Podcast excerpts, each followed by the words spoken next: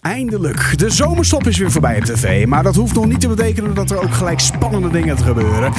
Ja, wie weet gaan we al die herhalingen van Tussen Kunst en Charlotte. Ik, ik bedoel natuurlijk uh, Tussen Kunst en Kiets nog wel missen. Maar goed, wat was er wel te zien? We praten hierbij. Dit is TV Talk.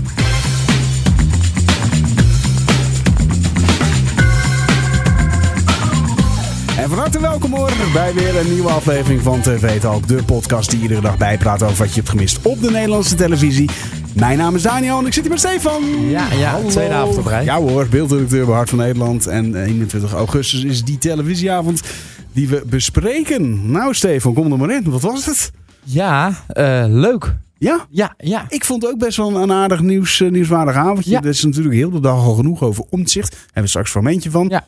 Eh, ja, van alles en nog wat om Ja, te doen. En ja. ja, ja de hele dag was wel lekker gevuld met nieuws, moet ik zeggen. En nieuwswaardige zaken. Maar qua programma's? Ja, eigenlijk eh BNB is weer vol- was gewoon weer lekker volop bezig. Hebben we een eh, deel van, eh, heb ik deel van gekeken. Hm. Eh, doordat nieuws er opeens tussendoor kwam, maar er zat weer, zat weer leuke momenten in. Eh, maar ja, daar zit eh, tegenwoordig, als je een beetje in dat programma zit, is bijna alles leuk, zeg maar. Ja. Het is ja, zeg maar, Ja. ja. Ja, je kunt alles dan wel knippen inderdaad. Ja, maar precies. goed, dat is, ja, oké. ja. Ik snap dus het vandaar. En Het was een beetje druk in je eentje. het was druk. Ja, het is eh, komkommertijd, ook bij ons op de redactie. Dus dat betekent dat helaas, of ja, dat betekent dat er ook mensen op vakantie zijn. Dus ik zat alleen. Hm. Ehm, ik had wel nog een helpende hand, maar daar komen we straks wel op. En ehm, ja, ja, maar er was ook meer tv-nieuws trouwens. Niet alleen omzicht die dus bij Nieuwsuur Nee, aansloot. nee, nee, nee, nee. Er was genoeg, eh, genoeg televisienieuws eh, te bespreken. Ehm, een paar kleine dingetjes die voorbij eh, zijn gekomen. Je hebt, want gisteren hadden we het even over die stint-docu, toch? Ja, die van RTL Nieuws en Humberto Tan. Humberto ja. Tan inderdaad, ja. Ja. Half miljoen kijkers. Nou ja, keurige score. Op een zondagavond. Ja, op een zondagavond. Om kwart voor tien volgens mij was het. En veel goede reacties erop. Ja. Dus eh, echt eh, chapeau. Eh, mooi verhaal was dat ook, Ja. eh, wat we begrepen. En de verwachting is dat nog heel veel mensen terug gaan kijken. Ja, ik ga het ook terugkijken. Nou. Ja, en een goede lijkt me dat, want Ja. ook gezien die reacties is het de Ja. moeite waard. Komt binnenkort een nieuw programma. Dennis van de Geest, die gaat Ja. erfenisruzies op proberen te lossen.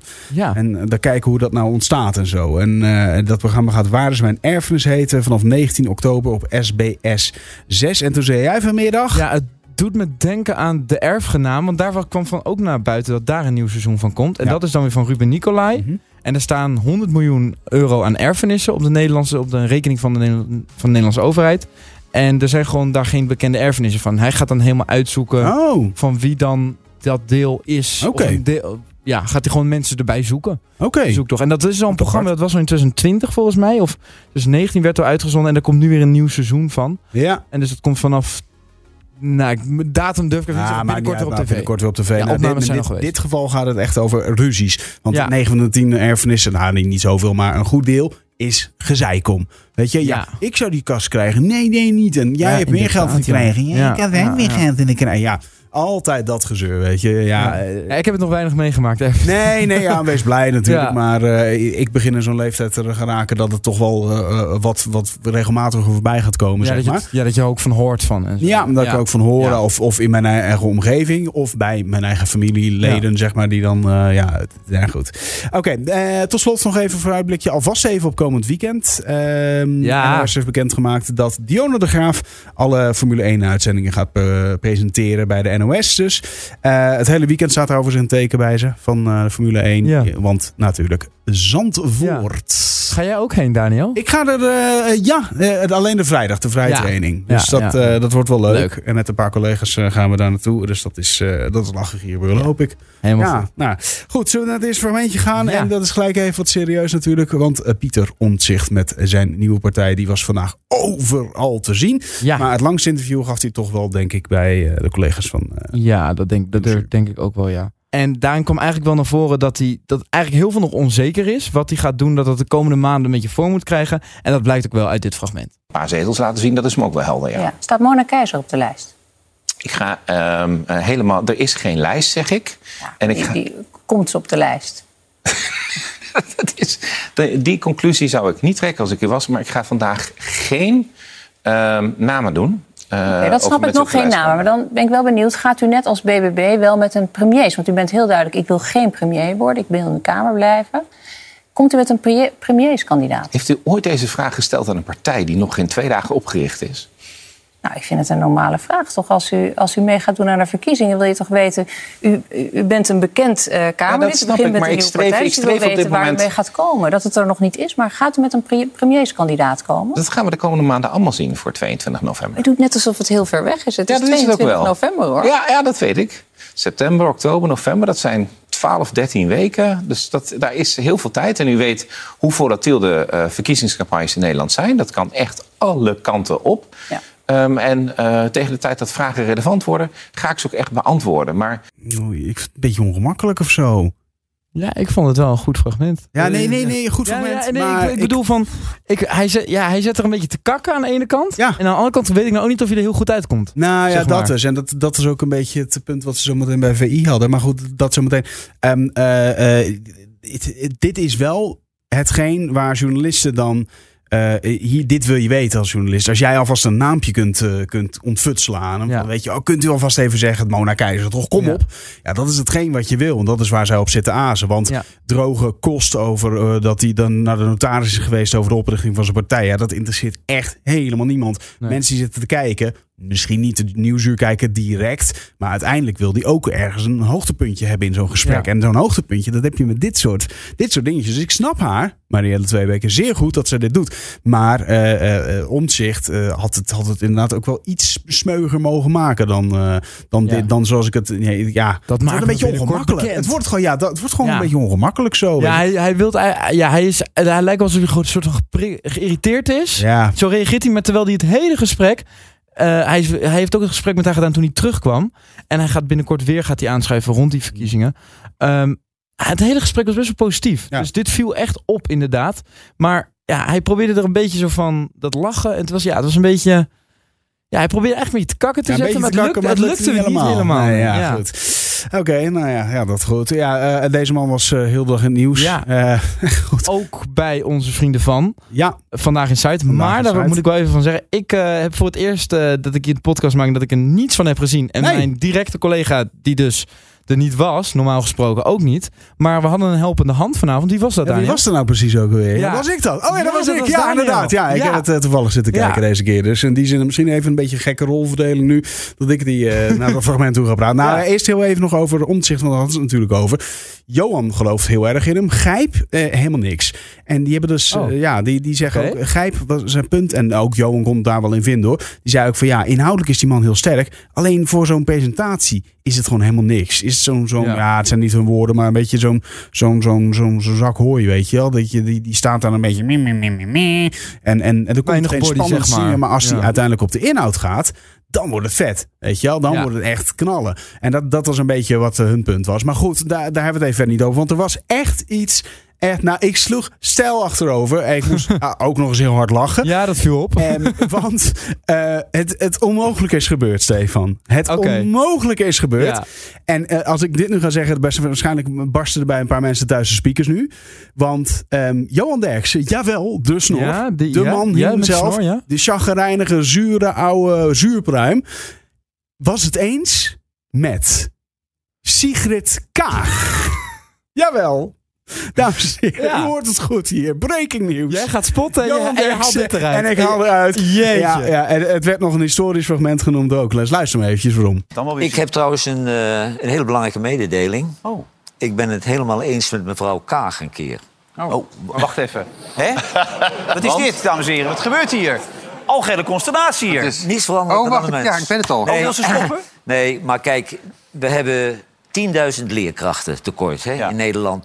Eh, vierdaagse schoolweken. Er staan overal ongediplomeerde leerkrachten. En ze moeten dus beginnen, en dat is weer verboden... want in Amsterdam hebben ze een stokje voor gestoken. Als je een onderwijzer wil hebben, dan moet je ook een sociale huurwoning aan zo'n man leveren. Want anders wordt die onderwijzer een bedem, daar kan het wel. Maar 10.000, dat is nogal wat. En de kinderen worden niet meer goed opgeleid. En de ouders van middelbare scholieren, die kunnen niet meer de schoolgelden betalen. Dat is ook een groot probleem, waardoor kinderen die de mogelijkheden hebben... niet doorstuderen, maar gaan werken om thuis de situatie...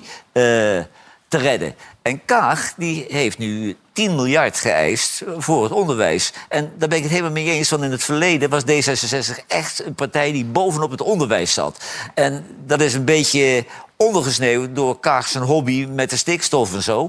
Maar nu is ze toch tot één keer gekomen, 10 miljard. En dat heb je echt nodig hoor. Want 10.000 leerkrachten. En dat kun je alleen maar aantrekkelijk maken door en een huis beschikbaar te stellen en wat hoger loon te betalen. Want die moet je eerst allemaal op gaan leiden. Hè. Daar gaan jaren overheen. Maar wat denk je wat de universiteiten dadelijk allemaal van kneuzen krijgen... als die kinderen niet goed opgeleid worden? Ja, we komen tientallen jaren. Dan moeten ze dadelijk allemaal advocaat worden. Nou, dat is niet zo moeilijk hoor. Dat is helemaal niet zo moeilijk. Maar dit is wel een historisch moment. Ja. Dat zo tegen het sluiten van de markt. Nee, nog maar keer... het hoort wel bij D66. Ik heb nog op D66 gestemd toen, puur omdat ze zo goed bezig waren met het onderwijs. Met pech. Goed, Job Kroes zat natuurlijk Ja, bij, ja, eh, ja, de advocaat. Dus dat Ja. was even de steek die Johan daar eh, gaf. Maar zo waar eens, ik, eh, ik zag jou van je kruk af sodemieteren. Stefan. Nou ja, ik zit hier anderhalf jaar nu en ik, ik, ik zit alleen maar te luisteren naar Johan die Kaag aan het afzagen is.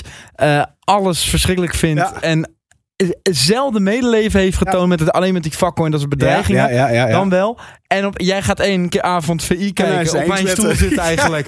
En jij haalt dit eruit. Ja, vind ik bijzonder. Ja, is goed hè? Ja, dat Ja, is, ik, is het door AI gemaakt? Dit ga je dat nu uit vertellen of zo? Of is het echt waar? Wat zeg je? Is, Is het door AI gemaakt? Nee, nee, nee, nee, nee, nee. Het is, Oh, nee, het is oké. echt, het is echt waar. Het is echt voorbij gekomen. En eh, ja, ik bedoel, ik neem aan dat weer 800.000, 900.000 man dit hebben gezien vanavond. Ja. Dus, eh, Ja. Ja. nee, Hij blijft ja. verbazen. Het blijft man. verbazen. En dan tot slot ging jij mij eh overhoren. Ja, jij bent een groot filmliefhebber. Ja, zeker. En op dit moment zijn er twee films die, het, die, die, ja, die eigenlijk het, ja, het gesprek van de dag zijn. Dus wil ik even weten. eh Bar nee, grapje. We gaan het over Oppenheimer hebben, niet over Barbie. Oppenheimer, wat is de voornaam? ik heb ze allebei gezien hoor. Weet ik, weet ik, weet ik. Wat is de voornaam van Oppenheimer? Robert. Ja. Robert J. In Nederland hebben wij een, ook een Robert die in Den Haag rondloopt. En dat is Robert Dijkgraaf. Correct. En dus de voornaam, eh, ja, die hebben de beide mannen. Maar de beide mannen hebben in hetzelfde huis gewoond. In hetzelfde kantoor gewerkt. Ah, En zijn beide directeur geweest van de Advanced of the Institute for Advanced Study in. Princeton. Oh, Leiden. Nee, in Leiden hebben ze denk ik dan in dezelfde woning eh, gezeten. hoor. Nee, daar volgens mij. Oh, daar weer. Ja, en ehm, hij is dus ook door Christopher Nolan, de regisseur van de film, is de dijkgraaf, is als adviseur gevraagd voor de film.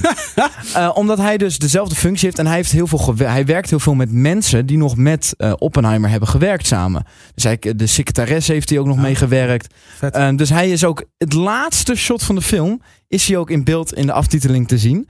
Eh, en ja, hij is blijven zitten toen hij heen ging in Nederland om zijn eigen naam op het scherm te zien. Ja, wie zou het niet doen? Ja. Maar hier in dit fragment reageert hij er dus op hoe, die, hoe zijn familie, of vertelt hij eigenlijk hoe zijn familie het beleefde in de bioscoop om ja, Oppenheimer te zien. Dus wel even leuk om naar te luisteren. Deze film heeft zoveel invalshoeken. We kunnen het over de wetenschap hebben, we kunnen het over de morele zoektocht hebben. Maar ik wil het ook in eerste instantie heel eenvoudig hebben. Jullie hebben in hetzelfde huis gewoond. Ja. Eh, jullie, uw, uw gezin heeft dat huis gezien in de bioscoop. Hebben jullie ook dingen herkend? Zonder nog oude meubelen van jullie? Ja, ja, ja, we zaten op een rijtje en ik voelde wel de kinderen de hand knijpen van... oh, dat is, eh, dat is de stoel van mama en dat is het spiegeltje en dat is... eh, Want we hebben natuurlijk wel... eh, het is heel gek, want eh, we hebben eigenlijk... eh, ik heb al tien jaar heel eh, dicht bij deze man geleefd. Want eh, ik dacht toch wel minstens één keer per dag dacht van... goh, hij woonde hier, wat is er hier allemaal gebeurd? Je kijkt naar oude foto's, je kijkt van... goh, is dat, eh, oh, dat is dat hoekje van het huis. Medewerkers die nog met hem gewerkt hebben? Absoluut. Zijn eh, secretaresse was er nog. Eh, heel veel, nou, een aantal natuurkundigen die echt nou, nog uit die tijd van de film met hem hadden gewerkt. waren natuurlijk dik in de negentig en vertelde daar verhalen over. Dus hij was altijd ja, heel dichtbij. Ik las alles van hem. Het is heel raar dat dat verhaal nu ineens door de hele wereld wordt beleefd. Weet je? Want het was eigenlijk een klein beetje een... eh, En wat, wat, wat was zijn reputatie op het moment dat u die tien jaar daar in Princeton rondliep... en hij dat ook op diezelfde functie gedaan heeft? Ja. Wat was zijn reputatie als, aan de ene kant als wetenschapper... en aan de andere kant als persoon? Ja, als persoon eh, een ingewikkelde man. Eh, absoluut briljant. Ook arrogant. Maar ook wel weer terecht, omdat hij echt van alles wist. Hij sprak alle talen. Hij snapte echt heel veel Ja, in vakgebieden. die film zit er een Wauw. Dat is vet. Ja, leuk Echt hè? heel vet, ja. Nee, Ja. dat vind ik heel tof. En dan heeft hij ook op dezelfde grond gelopen als eh, waar Einstein nog heeft rondgelopen en zo. Hè. Dat is echt, ja, dat werd ook eh, nog eh, genoemd. Echt wat vet, ja. Ja. Oh, wat een goed, Ja, en ja, verhaal. voor jou en voor degene die dus echt filmliefhebber zijn, ga even dit terugkijken. Want hij zit 15 minuten en dan zit dus eigenlijk de minister van Onderwijs en Wetenschap. Ja, bij Humberto dus. ja, zit bij Humberto zo, zit daar te vertellen over de film. En ook hij, vindt, hij benoemde ook dat hij het zo bijzonder vindt dat er dus een Hollywood film is gemaakt over een thema dat iedereen raakt. Over leven en dood en dilemma's die we hebben. Ja. Dat is natuurlijk waar die film ook om gaat. En hij geeft ook wat meer uitleg over wat nou echt die beslissingen waren. Dus het is echt een heel leuk fragment. Ja. eh, En voor wie de film nog niet heeft gezien, ga Ja. die ook kijken. Want het is echt een steengoeie film. Stefan. ik moet nog even heen. Mijn ouders zeiden het ook, maar ik moet nog even heen. Maar ik, zie- ik moet hier die podcast Het maken. is hè? de moeite waard. Ja, Ja. Nou, je kan een dagje voor vrij voor krijgen. Ja? Doet Sieber morgen wel. Dus komt goed. Helemaal goed, Nou ja, gaan we regelen. Heb jij nou een programma gezien op tv of online waarvan je zegt, nou daar moeten ze het een keertje over hebben? Stuur ons dan een berichtje via podcast.hartentalpenetwork.com of gebruik de hashtag TVTalk. En vergeet je niet te abonneren op onze podcast, dan mis je geen enkele aflevering. Stefan, dankjewel. Ja, misschien tot morgen, ligt eraan. Ja, Waar die draait morgen, ja, knows, ja. En anders kom je gewoon een uurtje later, is ook prima. Ja, is goed. Ja, oké. Ja, en jou als luisteraar natuurlijk ook bedankt. Morgen nou, ben ik er in ieder geval weer. Misschien Stefan ook. Tot dan. Bye bye.